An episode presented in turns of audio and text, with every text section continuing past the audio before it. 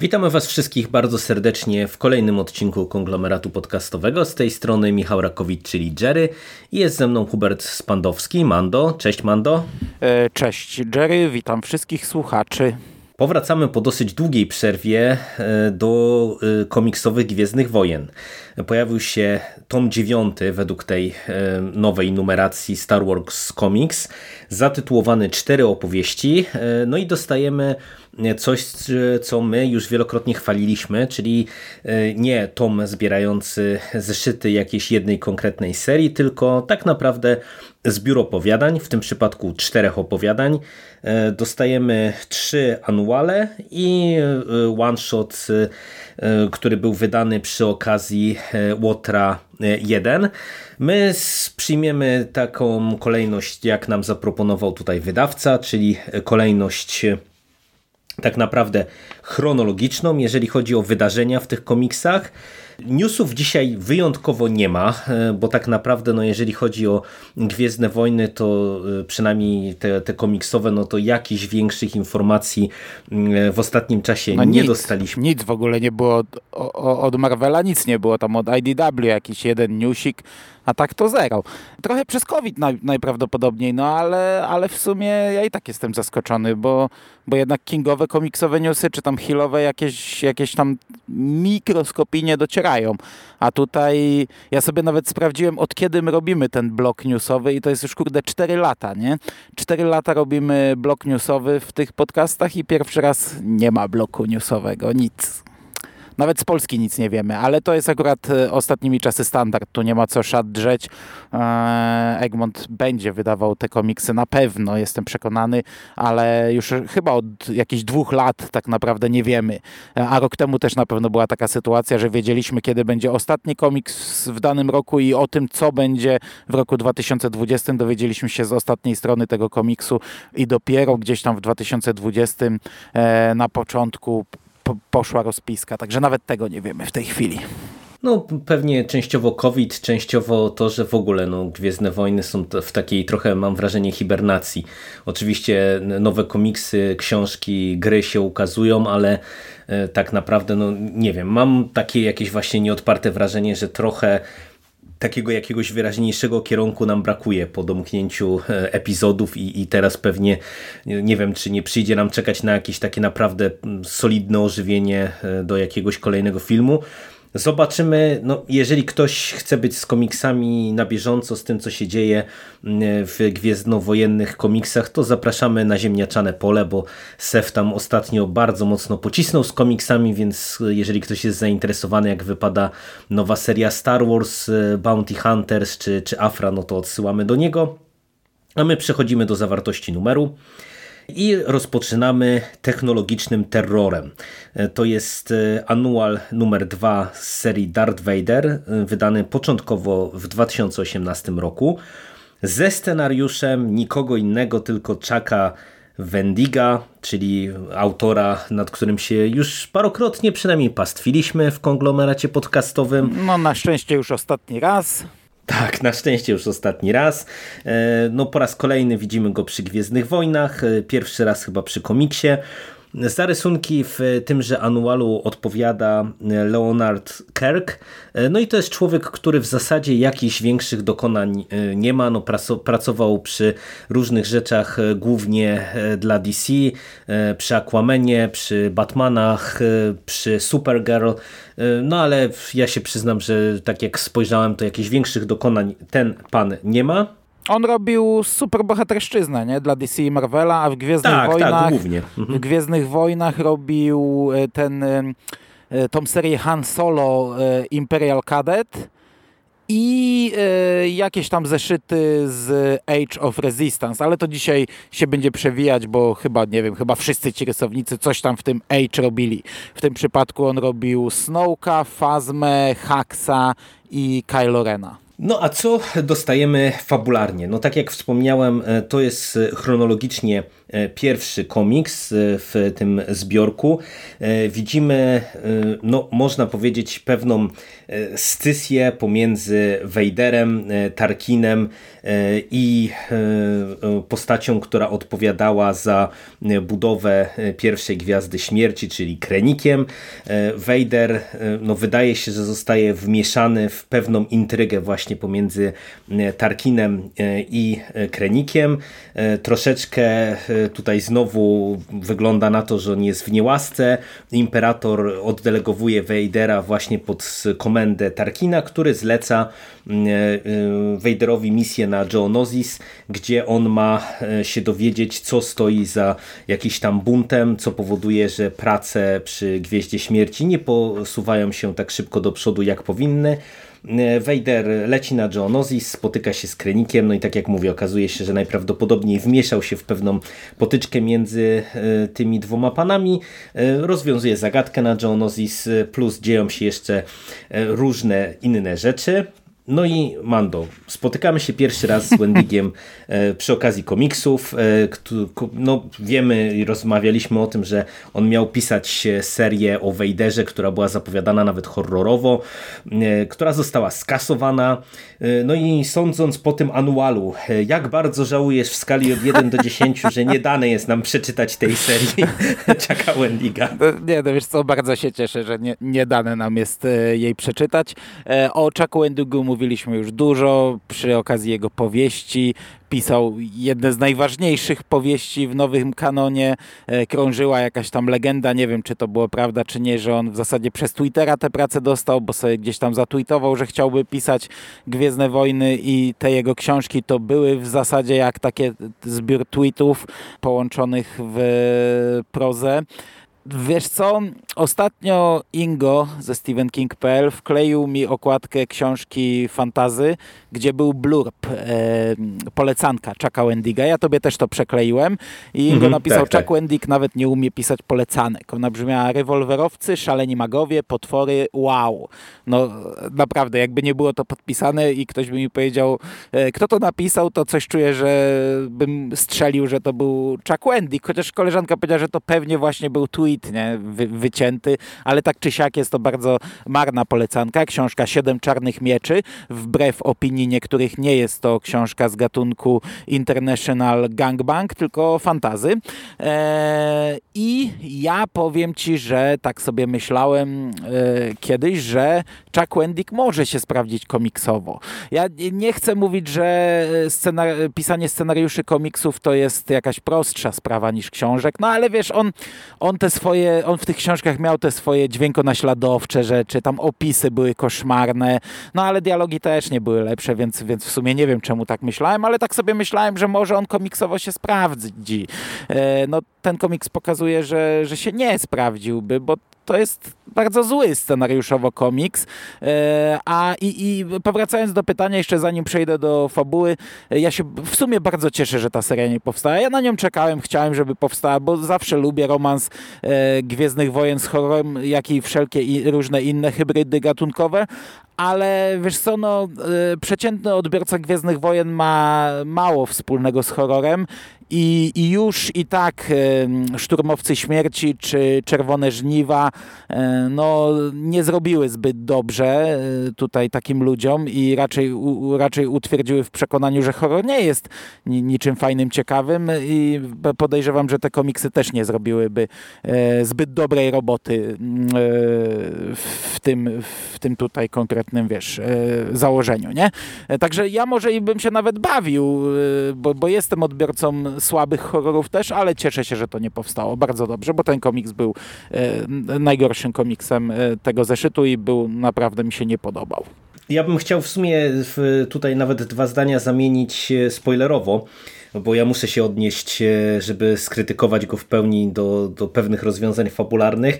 Natomiast ja ci powiem, że mm, tak jak zacząłem go czytać, to początkowo on wydawał mi się nawet niezły i interesujący w założeniach, bo mm, sam ten tytuł, technologiczny terror i e, to, że tutaj e, no, widzimy pewną taką no, rozgrywkę właśnie pomiędzy tą trójką i cały ten motyw technologii właśnie, czy na przykład wątek na, na ile no, sam Vader to jest właśnie dziecko na swój sposób technologii, a na ile to jest dziecko mocy, to wydaje mi się, że to są wątki To jest w miarę mm, ciekawe. Dosyć to jest ciekawe. w miarę ciekawe. Tak, tak, samo sam początek te tarcia między Tarkinem a Vaderem, co prawda to żadna nowość, no to już robiło wielu, pokazywało wielu, ale tutaj znów mamy tego Tarkina takiego, który się nie boi, nie?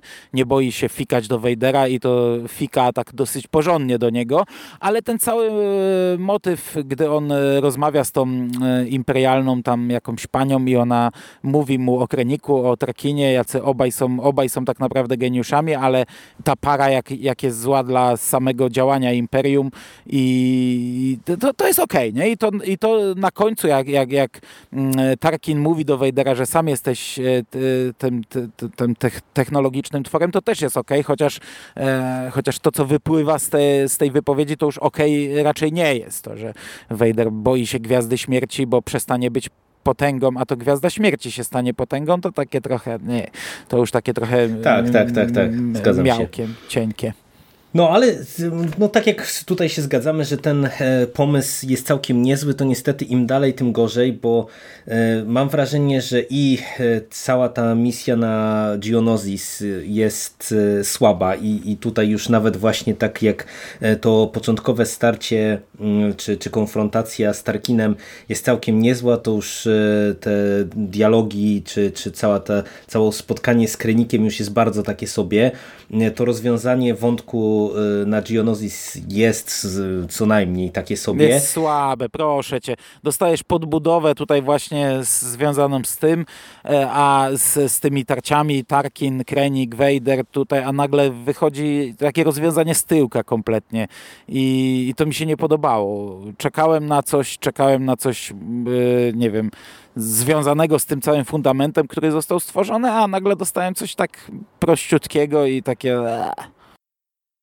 No, dokładnie tak i to jeszcze e, co gorsze, tutaj znowu mamy e, przebitki na coś, za czym ja osobiście nie przepadam, czyli jakieś takie, e, nie wiem, odniesienia do rzezi pierwszej, którą Anakin zrobił w, po, w ramach śmierci znaczy, to jest czasami matki, okay. czy To jest czasami okej, okay, wiesz, jak on sobie przypomina, robiąc to, co Ale robi tu nie teraz. było okay. No, no właśnie, to, to, tutaj to, to, to nie będzie ostatni raz, bo w ostatnim komiksie też mamy coś takiego, nie? Przy wyścigu podracerów, że on sobie tam e, co, coś tam, w, chociaż ja nie pamiętam, czy tam jest to, tam nie jest pokazane na rysunkach, tam po prostu Vader ogląda wyścigi i komentator mówi pewne rzeczy. Nie, tu nie było ok, bo to jest raczej taka, ja, ja bardziej lubię to, jak jest konfrontacja, e, bardziej lubię te konfrontacje, gdy Eni jeszcze był, wiesz, mówił, że zlikwiduje niewolnictwo, a teraz sam e, jest, jest czołowym przedstawicielem tego systemu, który wykorzystuje niewolników i tak dalej, a takie po prostu, jak on tam leje jakiś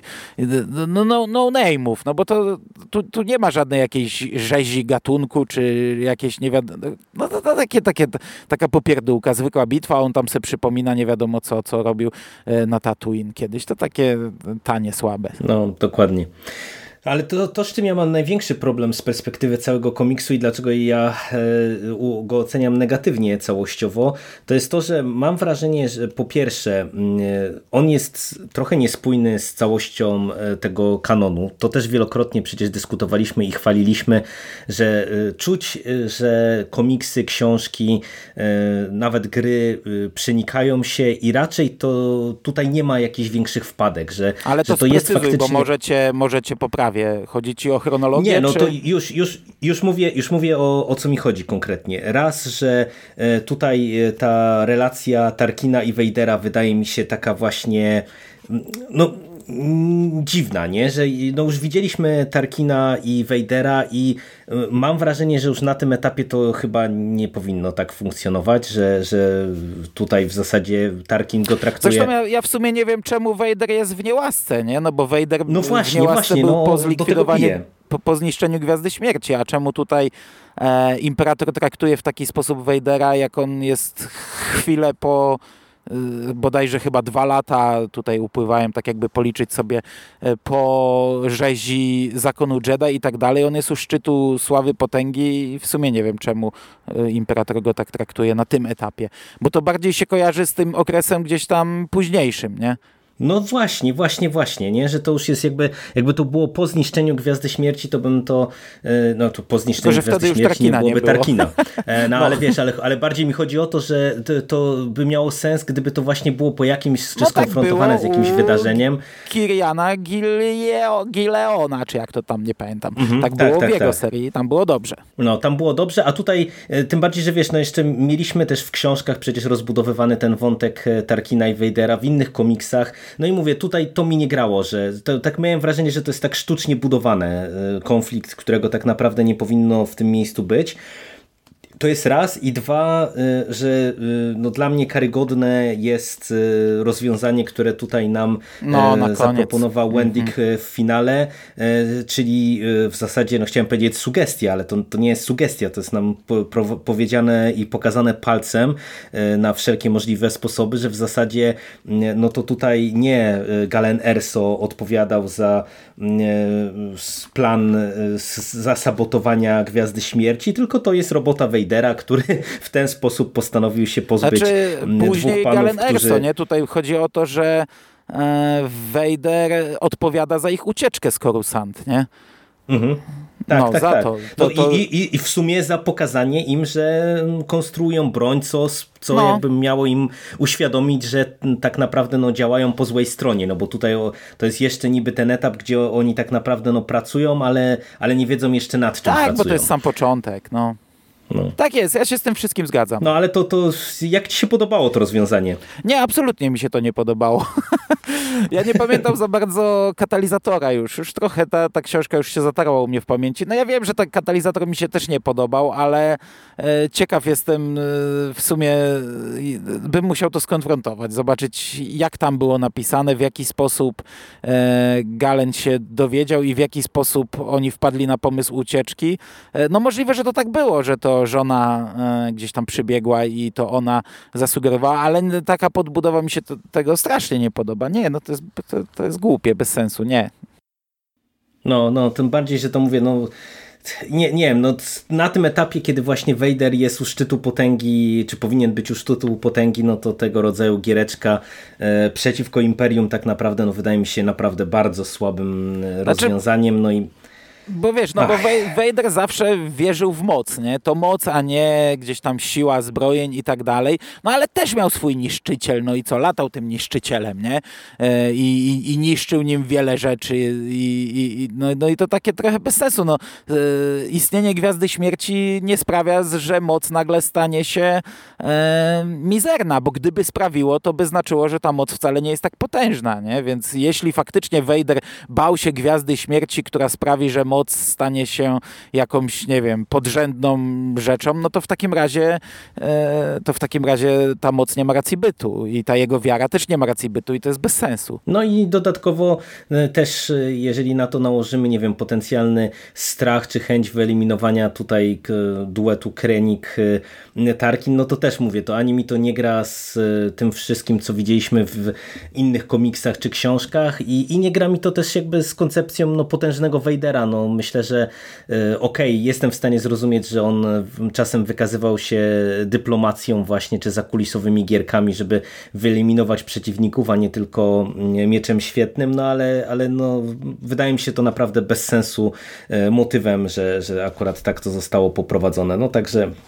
Cóż, ja się podłączam do tego, co powiedziałeś wcześniej. No ja się cieszę też, że jednak ten Wending został utrącony i, i nie będziemy go już więcej mieli okazji czytać w Gwiezdnych Wojnach. Dobrze, także żegnamy Wendiga. Dokładnie. Drugi komiks e, to jest one shot, na który, no nie ukrywam, chyba wspólnie czekaliśmy, mm -hmm. czyli Cassian i e, K2AO e, ze scenariuszem Dwayna Świerczyńskiego, pana, który już się w konglomeracie podcastowym też pojawiał, z rysunkami Fernanda Blanco i z korolami Marcello Miaolo. Tutaj no, to jest ten komiks, który tak jak wspomniałem był wydany przy okazji Łotra 1 jako jeden z tych komiksów na, na zasadzie Road 2 i E, teraz tak, tak jak wspomniałem, Świerczyńskiego e, już mieliśmy okazję e, no, omawiać tutaj w konglomeracie. Ty, ty widziałeś, co on zrobił w Gwiezdnych Wojnach? Bo to, teraz mi to uciekło, szczerze mówiąc. Ale chyba nic, a chyba, chyba nic. nic. Chyba go sprawdzałem i chyba nic nie robił. Rysownika nie mam pojęcia, bo nie mam nic zapisane i teraz nie wiem, czy nic on, nie robił, czy akurat, zapomniałem. Akurat ten rysownik, on tak naprawdę ma bardzo, bardzo mikre dokonania. Jak ja go szukałem, to w zasadzie wyskoczyły mi chyba tam dwa czy trzy komiksy, w tym największa i najdłuższa seria, przy której on pracował, to była Army of Darkness, gdzie przy 12 zeszytach chyba pracował, także, e, także no, to, to nie jest jakiś rysownik e, z wielkimi dokonaniami. E, no a Świerczyński, e, no to też przy całej masie super bohaterszczyzny, bo my między innymi o nim mówiliśmy przy Szerze, bo on Siłę mhm. Natury mhm. pisał w, przy Szerze Max, ale on pisał Cable'a, Moon Knighta, właśnie Szera więcej też mu się zdarzyło napisać niż ten jeden one-shot X-Menów i tak dalej, i tak dalej. Birds of Prey między innymi dłuższy run. No a tutaj dostajemy one-shot, który skupia się na e, Ordzinie, czyli to jak e, Cassian Andor poznał się z K2SO i e, jak to się stało, że oni się zaprzyjaźnili. Poznajemy Kasjana, który wespół z dwoma bliźniaczkami jakimiś tajemniczymi ma misję na pewnej planecie mają mm, wyciągnąć pewne dane e, wywiadowcze. E, no i okazuje się, że cała misja e, szybko bierze w łeb, bo w miejscu, gdzie nie miało być imperialnych, znajduje się całkiem spora ilość imperialnych. No i, i między innymi właśnie na ich drodze staje tenże robot imperialny o kodzie K2SO. No i widzimy, jak panowie czy Kasjan i robot się poznali. Jak Ci się podobała ta historia w tej warstwie fabularnej i graficznej? Bo w sumie od, przy Wejderze teraz jeszcze tak sobie uświadomiłem, że o rysunkach nic nie no, powiedzieliśmy, ale one były... Ale one były takie w sumie takie, no, po prostu standardowe, nie? Poprawne. No, dokładnie. Tam ze dwa razy może miałem tak to, co zwykle, że proporcja zaburzona, żeby Wejder był większy, za dwa takie może rysunki, ale tak to były, były ok. Rysunki były ok. Eee, tutaj ja, ja też, ja czekałem na ten one shot, bo gdy on się pojawił w 2017 roku, to bardzo chciałem go przeczytać, bardzo lubię ten film i, i czekałem no, kilka lat, aż on się u nas w magazynie pojawi. On w Stanach był wydany w wydaniu zbiorczym razem z adaptacją komiksową Łotra 1. No, na szczęście Egmont w adaptacji komiksowych nie wydaje. Tutaj e, wielkie ukłony przed Egmontem, e, że tego nie robi przy tak ograniczonej liczbie komiksów gwiezdnowojennych rocznie. No tam te młodzieżówki, nie? Oni wydają chyba tylko ale adaptacje, to, to tam wiesz, to mówię o, o Star Wars Comics i o tych komiksach, nie? E, no, no. Mhm. Wiesz co, okej okay, komiks podobał mi się. Wizualnie mi się podobał nawet bardzo. E, fajne te rysunki były. Taka, taki, taki, taka gru, gruby kontur, gruba kreska. E, troszkę taka brudna, te kolory też takie. On, on był ok, fajny. E, fabularnie na samym początku trochę tak zaczynamy od takich żarcików i, i tam wiesz, kolejne 5 godzin wcześniej, co się wydarzyło 5 godzin wcześniej i tak dalej. E, ale on jest ok, tylko on jest bardzo prościutki. E, tutaj mamy tę misję, o której mówisz, Kasjana, na jakiejś planecie, której nazwy nawet nie, nie będę kaleczył języka. On jest z dwoma obcymi, e, Karatas i Rizmor. E, to są to jest nieznana rasa. Nie wiem, co to jest za rasa. Wiemy tutaj z komiksu, dowiadujemy się, że one porozumiewają się zapachem. I z tym też jest trochę żartów związane, gdy Kasjan e, próbuje z nimi rozmawiać i one tam, no, no z, z, dialogu czy z monologu w zasadzie wynika, że ten zapach się jakoś tam zmienia. To jest w sumie całkiem okej okay napisane. E, ale no, ta, ta, ta, ta, punkt wyjścia też spoko, ta misja cała, zlecona przez generała Dravena e, na odzyskanie tego z, gdzieś, gdzieś tam Imperium popełniło błąd i ich e, niszczyciel trafił gdzieś tam do jakiegoś hangaru i można wyciągnąć jakieś dane imperialne. To, że pojawiają się imperialcy, no to, to, to standardowo wiadomo, ale powiem Ci, że tak od tego momentu tak trochę tak nie do końca, bo to wszystko, znaczy ogólnie jestem na tak, nie? Podobał mi się ten komiks, ale no, no kurczę, ci szturmowcy tam biegają w lewo, w prawo, oni są schowani, yy, chwilę później się okazuje, że tak naprawdę wmieszali się w tłum, więc w zasadzie nie wiadomo po co oni tego droida zawołali. No dobra, jeszcze chwilę później się okazuje, że szturmowcy okrążyli ich statek, więc ten droid wtedy się przydał, ale to takie było takie w, w, do, dość proste jak dla mnie, takie wiesz, yy, tych szturmowców jest za dużo, nie przedrzemy się, yy, wiem, mam plan, kopnę w coś, przyjdzie droid i ja go wyłączę i przeprogramuję i ten droid nas stąd wyprowadzi, gdzie ten droid tak naprawdę wpakował ich w tarapaty, bo, bo szturmowcy się zastanawiali, co tu robi ten droid i dlaczego idzie z nimi, nie? E, ale tych, tych tych żartów takich słownych e, pomiędzy Kasjanem i K2SO było potem trochę, one były spoko, były całkiem fajne. W filmie pewnie były lepsze, no ale tutaj też całkiem okej. Okay. Także taki, taki prościutki komiks ostatecznie, ale na, na tak jestem. No dla mnie to jest taki solidny średniak. E, wizualnie ok, trochę ta taka e, jednolita e, brązowo-pomarańczowo-niebieska kolorystyka no, no. trochę mnie męczyła, ale to nie wiem, czy to nie była kwestia no po prostu tej lokacji, no bo to jest jakaś taka pustynna planeta, plus trochę tego biegania po hangarach, więc no to kładę na karp tego. Mm, wizualnie najbardziej mi się podobało, jak e, same droidy e, były właśnie e, rysowane z K2 na czele. Fajnie to grało i, i to naprawdę tutaj się udało. To, co mówisz, czyli ten humor, moim zdaniem to całkiem nieźle działało i, i było w porządku. A fabułka no, bardzo prosta. No, przy czym to, to też jest dla mnie w porządku, że mamy właśnie taką misję szpiegowską, nie? że tutaj to wszystko rozpoczyna się i kończy w zasadzie na, na próbie jakiejś tam infiltracji, e, pozyskania danych, czyli e, no coś, co jest spójne e, z Łotrem 1, co nam podbudowuje też samego Kasjana. Także no dla mnie okej okay, po prostu cała ta Ale historia. tak ci powiem, no kurczę, no wiesz, zawołanie droida mordercy, trochę się z nim szarpanie, Potem te dwie siostry nagle, nie wiadomo kiedy się okazuje, że wgrały w ogóle w tego droida te dane. E, czemu wgrały, skoro on jeszcze nie był przeprogramowany do końca?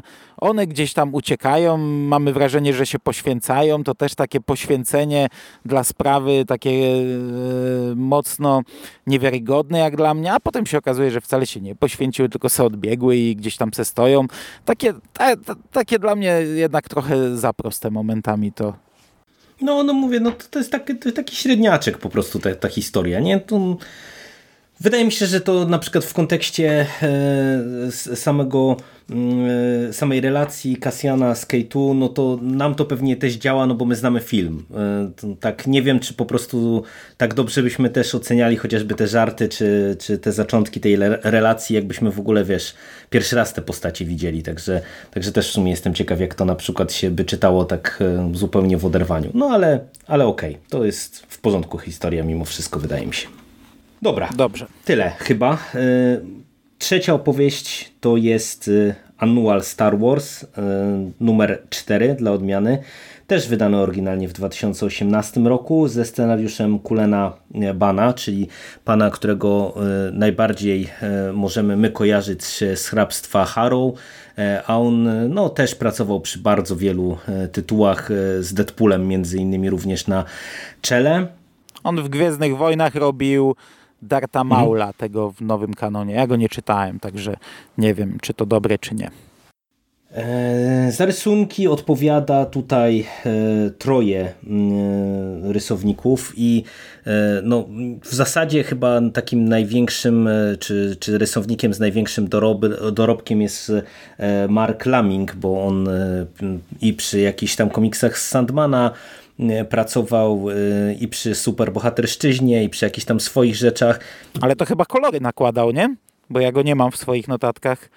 To chyba nie, kolorysta. Nie, on jest właśnie jako rysownik, jest troje rysowników. No właśnie tak, nawet a, też się zastanawiałem, a, a jak, jak to wypada. To Roland Bosch i Andreas Mossa ja mam. Mm, Andreas Mossa to kolory, nie tego sobie no, spisałeś. Dobrze, Mark Laming właśnie jest jako rysownik, a, a, a Mossa a, a, za kolory, Andreas? Mossa ma najwięcej gwiezdnowojennych tytułów, pół strony mam tu wypisane. Nie? No, no to widzisz, a to on z kolei odpowiada za kolory. A no to powiedz, y, co, co on tam z nie, no rzeczy to bez sensu, pisał. no to kolorystów tu jest więcej. No on miał Shattered Empire, Target Vader, adaptację solo, połowę Screaming Citadel, jeden zeszyt, też te Age of Obi-Wan i Anakin, e, całość, Kapitan Fazme, całość, także on bardzo dużo kolorował, ale jak kolorysta to bez sensu. Rysownik z Ale Laming Wojen... też, też akurat tu go mam wypisanego, jeżeli chodzi o Gwiezdne Wojny, to on też e, całkiem sporo robił, bo on robił Anual Doktor Afry, e, an, Anual właśnie Gwiezdnowojenny, Star Wars Beckett e, rysował, e, e, Age of Rebellion z Tarkinem i z Bobą Fettem, Target Vader też, czyli i to pewnie też jest tak, że ten mm. Andreas Mossa i Laming e, to pewnie był taki duet przy części tych tytułów w ogóle Możliwe. z tego co widzimy. Natomiast Roland Boshi robił znów Age of Rebellion, zeszyt o Jabie the Hutt i taki komiks, kurde, Star Wars Empire e, ja nie wiem jak to się czyta, Ascendant. E, powiem Ci, że to jest dla mnie w ogóle zagwózdka, bo e, kilka dni temu mi Atom Comics wyskoczyła reklama na Facebooku właśnie z tym komiksem. Ja w ogóle myślałem, że to jakaś nowość, bo pierwszy raz o tym słyszałem.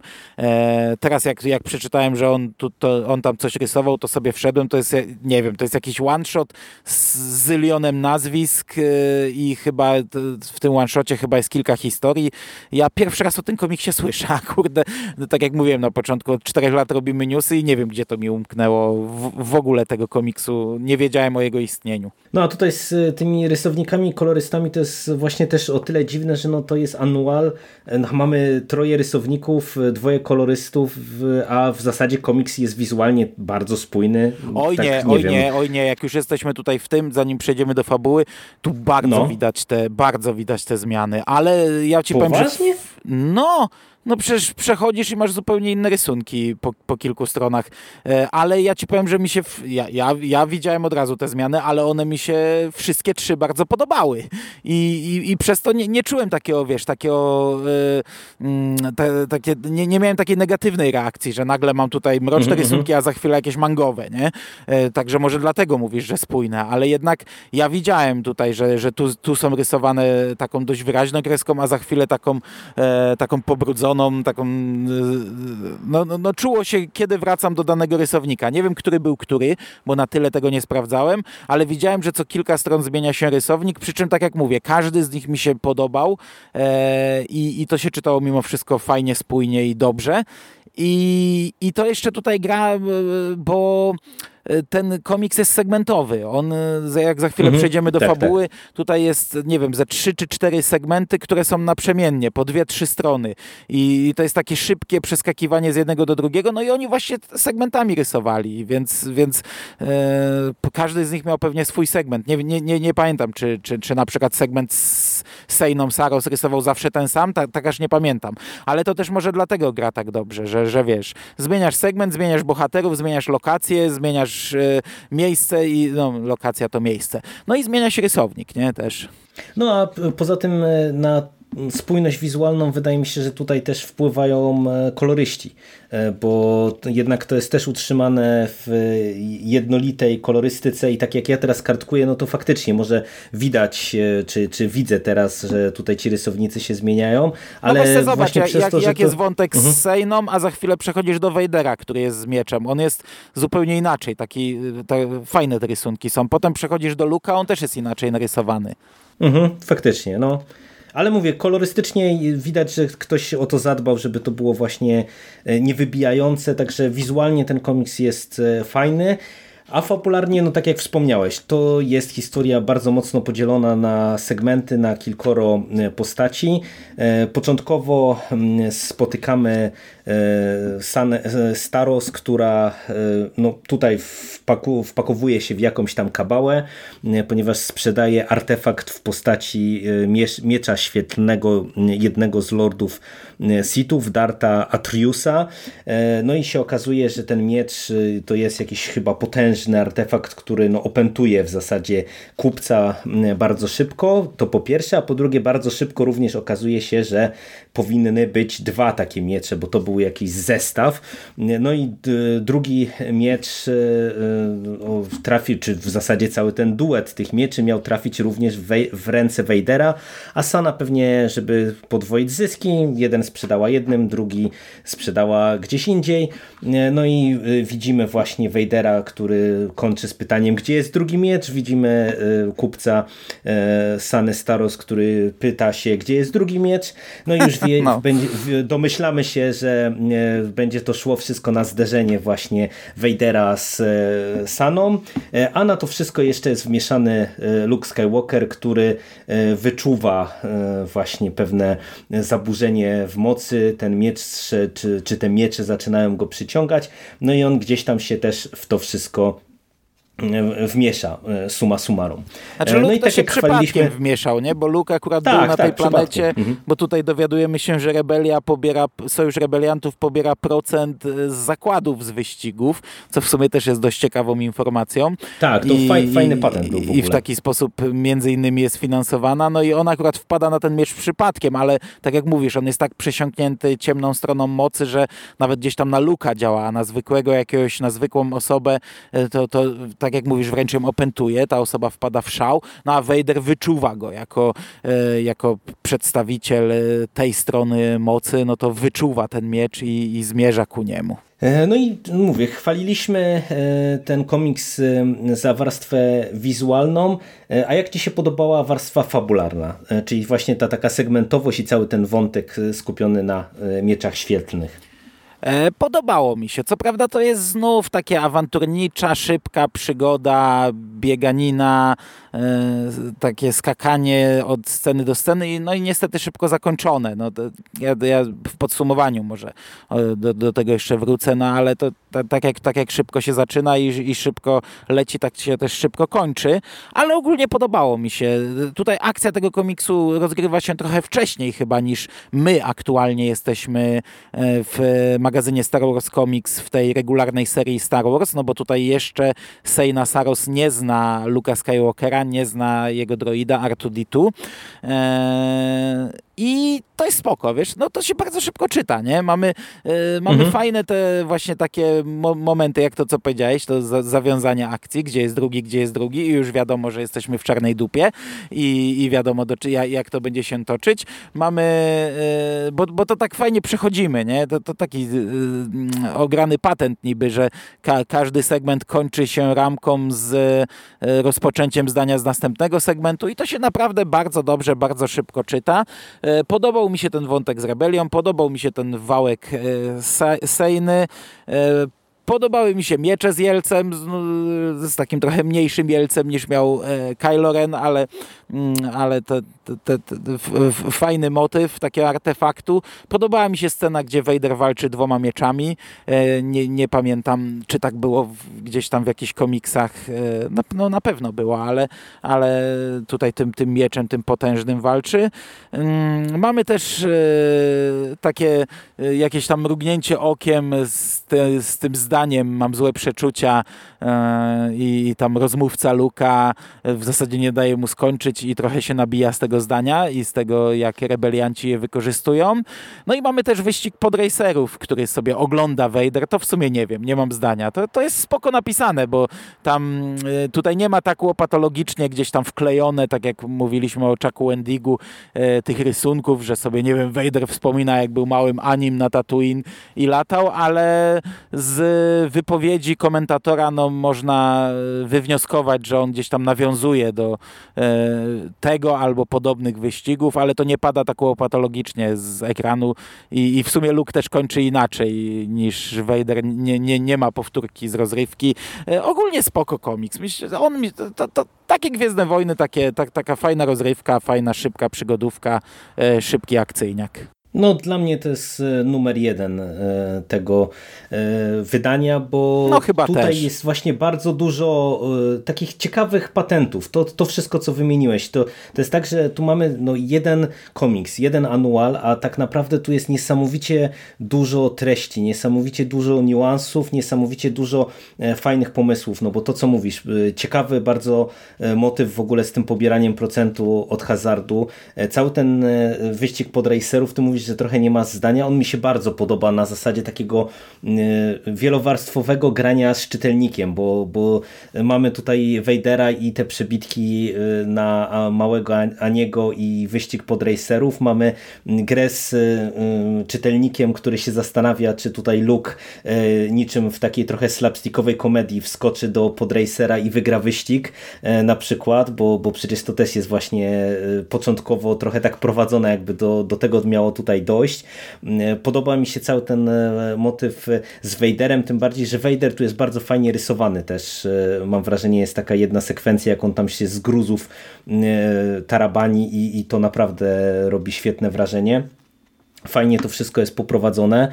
E, także no, tu jest naprawdę bardzo, bardzo dużo treści jak na tak e, krótki komiks e, i podobało mi się to, że, że w takim kierunku cała ta historia mm, poszła i, i, i nawet to, że ta dwoistość tych mieczy też jest w pewien sposób spuentowana nawet tak wizualnie na, na sąsiadujących kadrach. No to jest naprawdę właśnie kawał porządnie rozpisanego komiksu i tak tak jak e, e, pałowaliśmy znowu Wendiga, tak e, przy tutaj akurat kulenie, banie, no to ja kolejny raz mogę powiedzieć, że widać, że to jest gościu, który umie komiksy pisać i, i wie jak to robić i, i naprawdę miał określony pomysł i wydaje mi się, że wycisnął z tego pomysłu po prostu 100% tego, co mógł wycisnąć, nie?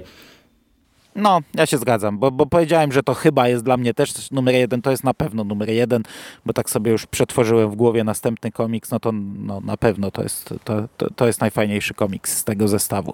No to cóż, to przejdźmy właśnie do ostatniego komiksu, Misja Specjalna, kolejny anual numer 2, Paul Dameron, też wydany w 2018 roku. Ostatnie spotkanie z Paul Dameronem. Tak, dokładnie. Ze scenariuszem e, Jodego e, Hausera. E, to jest facet, który głównie ma na koncie Gwiezdne Wojny. No on ma dużo Gwiezdnych Wojen. On tak, ma tak. dwie adaptacje, Łotra 1 i dziewiątego epizodu, Skywalker Odrodzenie. Napisał no, trzecią w sumie adaptację, tylko że książki Trauna, tego pierwszego tomu, którego omawialiśmy, a coś za drugi tom nie możemy się zabrać. E, znów coś tam z Age of Republic, już nawet nie wypisałem sobie co.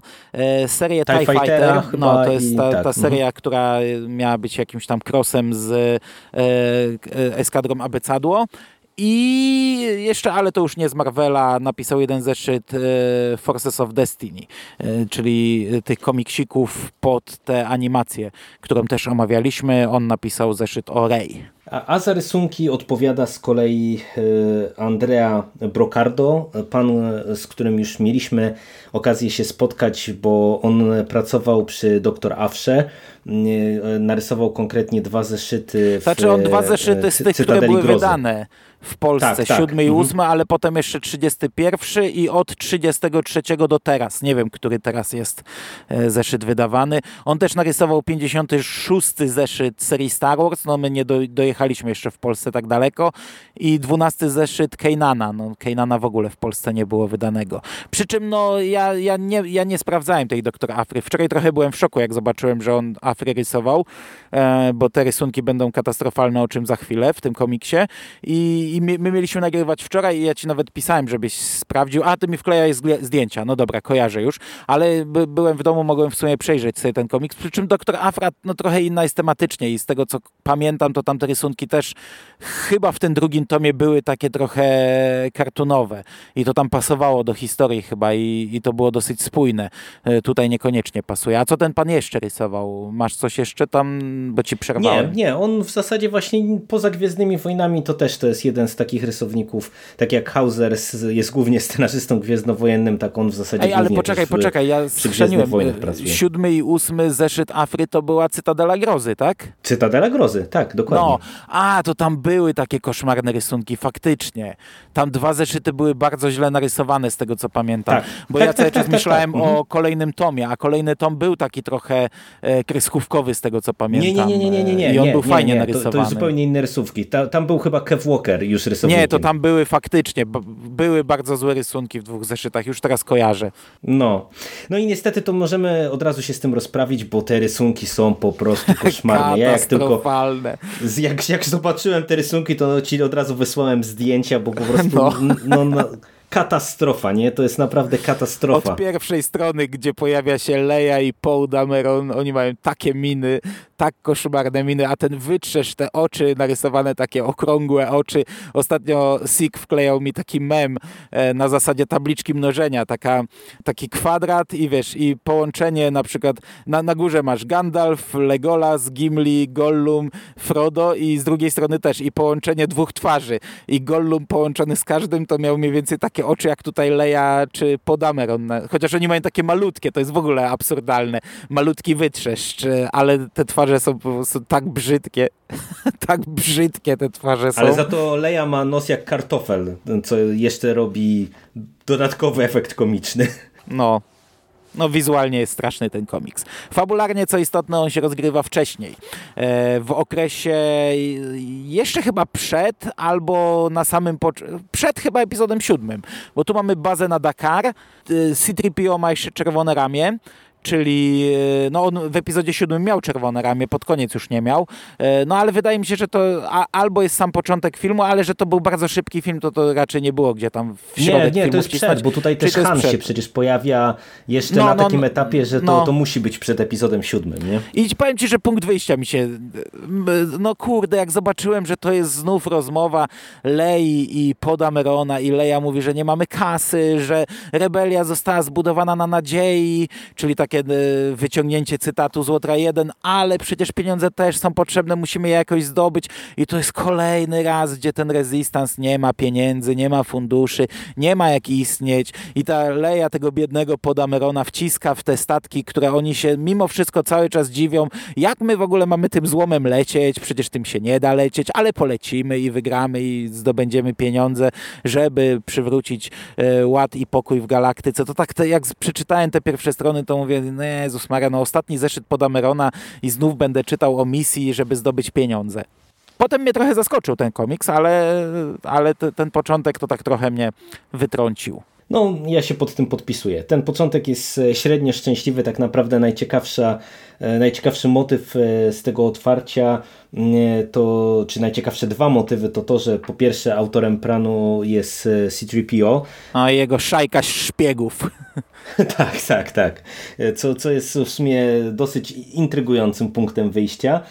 I druga rzecz, że w zasadzie no tutaj to zdobycie kasy to jest, można powiedzieć, pewien rodzaj, pewnego rodzaju znowu skok na jakiś tam artefakt, czyli takie, no znowu wchodzimy w szarą strefę, gdzie Resistance tak trochę no, działa bardzo już na granicy prawa. E, no ale tak jak mówisz, później to troszeczkę w zaskakującym kierunku zmierza. Znaczy bo... jeszcze zanim zmierzy w zaskakującym kierunku, to, to też mamy powtórkę z rozrywki, bo mamy Hanna Solo, który gdzieś tam znów wymyka się z tarapatów. Widzimy końcówkę jego przygody, gdzie on tam e, znów Komuś jest, znowu miał oddać no, kasę i nie oddał. No, znów jest w czarnej dupie, znów zaraz ich zestrzelą, znów się kłóci z Czubaką. To jest fajne, nie? To jest gwiezdnowojenne. Tutaj się czuje, że to jest Han Solo i Czubaka i czuje się ten dialog dialog i, i te ich przepychanki, gdzie on tam on, on tam harchnie, a, a Han Solo mu odpowiada, albo z kontekstu tej odpowiedzi dowiadujemy się, co mówił Czubaka. To jest fajne, tylko że to jest kurde zylionowy raz, nie? Także, także mówię, no ten początek i później rozwinięcie to tak średnio, ale potem, no mówię, no, no tak ze dwa razy zaskakuje ten komiks. Tak, bo on od e, pewnego momentu tak naprawdę, kiedy te wszystkie wątki się splatają, kiedy e, już e, widzimy, że tra tradycyjnie misja, która miała być łatwiutka e, idzie, nie pomyśli całej eskadry czarnych i Paul Damerona e, trafiają tak naprawdę dosyć przypadkowo na Hanna Solo, e, w sumie nie wiedząc, że są w tym samym miejscu i, i, i czasie. I samo rozwiązanie tej historii dla mnie było ciekawe i w sumie mi się podobało, także tak jak ten początek taki sobie, to, to wydaje mi się, że no, coś fajnego tam na końcu jednak scenarzysta nam zaproponował, przynajmniej tak mi się wydaje. Jak ci się mhm. podobało to rozwiązanie Bardzo z tym mi się artefaktem? ta, ta, pierwsza reakcja Hana, yy, gdzie my nie wiemy na co on reaguje, i dlaczego i to, jaką on wtedy podejmuje decyzję, wiesz, no kurczę, ja lubię to i to wielokrotnie podkreślaliśmy, że to tak, często że ta relacja się jest fajnie udawało, tą nie? relację późniejszą, już do oni są dorośli, dojrzalsi, to, że się rozeszli, ale mimo wszystko cały czas gdzieś ta, ta, ta miłość jest i to ona jest widoczna i, i ten cały bagaż pomiędzy tymi bohaterami jest widoczny. To było nieraz w książkach e, dobrze napisane, chociażby w Więzach Krwi u Claudii Gray. E, no tutaj jest to tylko jeden drobny element i, i to z takiego okresu, gdzie Han jest właśnie, no, no nie wiadomo jak długo się z Leją nie widział, ale jego reakcja, jego, jego e, decyzja, co zrobić i to jak to robi, że robi to w cieniu i jak, jak no to, to było fajne.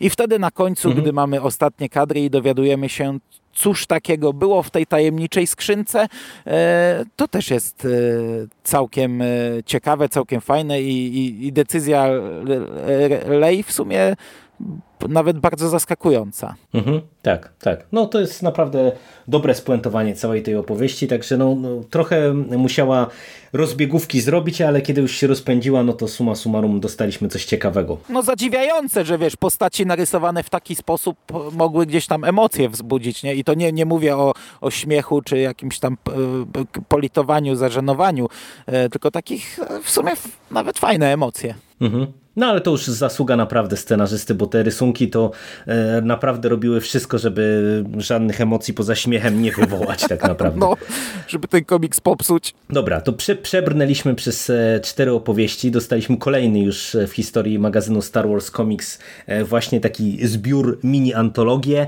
E, jak całościowo oceniasz e, ten e, dziewiąty tom? Tak jak sobie z tobą pogadałem, to, to chyba chyba na plus, bo wiesz co, no dostajemy jedną słabą historię, jedną przeciętną, e, jedną bardzo dobrą, jedną dobrą, ale e, no nie, jest to może jakoś super, hiper rewelacyjny zbiorek opowiadań, i ja mówiłem, że wrócę do tej długości, bo ja, ja, gdy wziąłem ten y, magazyn do ręki, to się w sumie ucieszyłem, że to, to będą takie cztery historyjki tej samej długości i, i fajnie, że to nie będzie tam jakiś jeden czterozeszytowy, a potem, nie wiem, one shot i zapychacz na trzy strony co też jest ok, ale to zazwyczaj ten zapychacz to był tylko zapychacz. Ale powiem Ci, że tak każdy komiks otwierałem, każdy zaczynałem czytać i, i zanim się, nie wiem, przekręciłem trzy razy na krześle, to go kończyłem czytać. I tak trochę, trochę mi tak trochę brakowało jakiejś y, dłuższej historii, ale no, no to, jest, to jest niezły, solidny komiks, e, który no, no, każdy Star Wars komiks warto przeczytać przy, przy tej cenie i zawartości, jaką oferuje, ale jestem na tak chyba. No ja też jestem e, w miarę zadowolony. No, tak jak mówisz, no ten poziom nie był jakiś oszałamiający. Tak naprawdę pewnie z tych takich zbiorków, e, które dostaliśmy, no to, to, to jest taki średniak. E, na pewno o klasę niżej niż chociażby ten kończący chyba Aronowski run w Gwiezdnych Wojnach, który chyba był takim najlepszym zbiorem, wydaje mi się, który w magazynie dostaliśmy, ale to naprawdę tutaj też właśnie parę tych historii, parę motywów było bardzo fajnych. E, I no tak jak mówisz, nie, no za te pieniądze to znowu e, chwila e, rozrywki w świecie Gwiezdnych Wojen. Za często nam się to ostatnimi czasy nie zdarza niestety, no bo, bo książkowo jesteśmy naprawdę w czarnej dupie za przeproszeniem i, i w zasadzie nie wygląda na to, żebyśmy w, najbliższym, w najbliższych miesiącach nowe książki po polsku dostawali, więc no naprawdę ten Star Wars Comics trzeba cenić i, i hołubić i, i naprawdę sięgać sięgać po niego każdorazowo, a tutaj no chociażby właśnie y, za to, że nadrobiliśmy takie białe plamy, y, które były, bo tak jak mówisz, no ostatnie spotkanie z Paul Dameronem, y, Cassian i K2SO, czyli taki komiks, na który tutaj wspólnie czekaliśmy i byliśmy nim zainteresowani, to też trzeba cenić, nie? że tutaj właśnie Egmont idzie w takim mhm. kierunku i, i Fajne też... Star Wars, z którym różnie przecież w ostatnich seriach bywało, a tutaj tak, fajny tak, one shot i ładnie narysowany, no to też już e, Chociaż nie, ostatni tom chyba był niezły, ale te wcześniejsze Laroki, ja nie pamiętam, czy kto ostatni rysował. Dobra, nieważne, nieważne. No i w końcu też wiemy, że Wendig wcale nie byłby lepszym scenarzystą komiksowym niż no jest pisarzem. No i pożegnanie z Wendigiem, więc to też jest zawsze tam jakaś... E, jakiś tak, punkt tak, tak. na To plus. jest kolejny też plusik. Więcej go nie będzie. No, Wiesz co, no to, ja, to ja mam mieszane uczucia zawsze, jak wyrzucają za jakieś tweety y, z, jakieś złe wypowiedzi w internecie. Zawsze mam mieszane uczucia, czy to jest dobrze, czy to nie jest dobrze. A, a w tym przypadku to jest jedyny przypadek, gdzie klaszczę. Tak, bardzo dobrze zrobił Marvel. No, zdecydowanie, zdecydowanie. To jest duży plusik, że już się z nim nie spotkamy.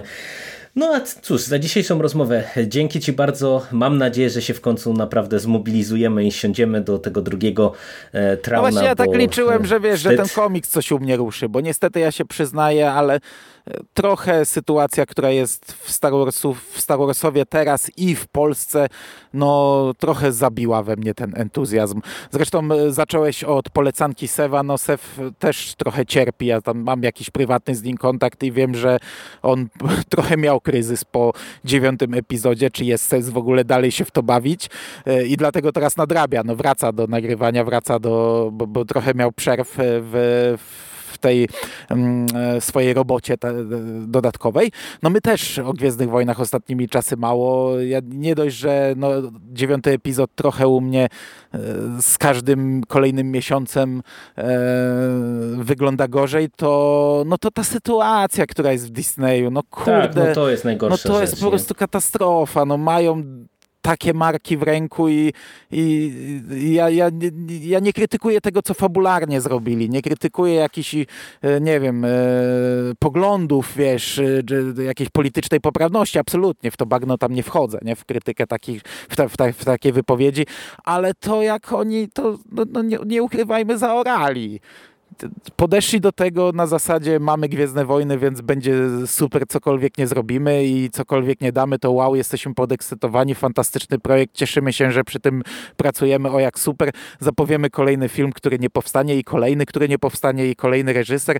I ja naprawdę jestem, no, no, no entuzjazm u mnie jest na minimalnym poziomie, do tego dochodzi Uroboros, który, którego ja też przecież broniłem przez lata, bo oni popełnili e, dużo błędów e, e, na początku zapowiadając, pu- publikując zapowiedzi, nie zdając sobie sprawy, że jeśli się z nich nie wywiążą, to ten fandom ich zje i, i później przestali to robić, no ale ja, ja jeszcze chyba rok temu ich broniłem, gdy oni e, w końcu e, dojrzeli do tej decyzji, by ni- nie zapowiadać książki e, kolejnej, póki następna nie zostanie wydana, wcześniejsza. No ale w tym roku mamy koniec sierpnia, wyszła jedna książka. No takiej sytuacji to, to, to ja już niestety No, staję, staję po drugiej stronie barykady. Chociaż przez ten brak entuzjazmu, no my tej książki jeszcze nie przeczytaliśmy, nie? No ale gdyby były No, kolejne wiesz, zapowiedzi, gdyby się robiły presja- nam zaległości, to, to ja bym czytał. Gdybym wiedział, że za Właśnie, chwilę no, przyjdą mówię, następne presja, następne. nie? A tu jak ja wiem, że ja w tym roku mogę w zasadzie już nic nie dostać. No. No ja nie wiem w sumie akurat, co, co, to, co tam jest grane, bo przecież oni też zapowiadali e, te legendarne książki, e, która No, też no. teoretycznie miała, miały te książki wyjść e, już jakiś czas temu, wydaje mi się pierwotnie, też zupełnie ucichło. No pytanie na ile to jest COVID, na ile to jest w ogóle sytuacja właśnie z Gwiezdnymi Nie, Wojnami, nie, ze sprzedażą książek, no nie wiem, nie wiem co tu jest nie grane. wydaje mi się, żeby to było. Nie, nie wydaje mi się, żeby to COVID. Jakoś inne wydawnictwa zapowiadają, wydają i, i wszystko wychodzi. No ja trochę liczyłem, że ten komiks tak u mnie tak ruszy taką maszynę i że, yy, i że gdzieś tam ta radość powróci i zaraz sięgnę po trauna. No aż, aż, aż tak nie ruszył. No, ale tak czy siak to był niezły komiks. No dobra, to dzięki Ci bardzo za dzisiejszą rozmowę. E, Tutaj mam nadzieję, że mimo wszystko się zmobilizujemy właśnie teraz, żeby książkę przeczytać i, i o Gwiezdnych Wojnach znowu co nieco porozmawiać. Także do, do usłyszenia wszystkim w przyszłości. Cześć. Tak jest. Dziękuję bardzo. Do usłyszenia. Cześć.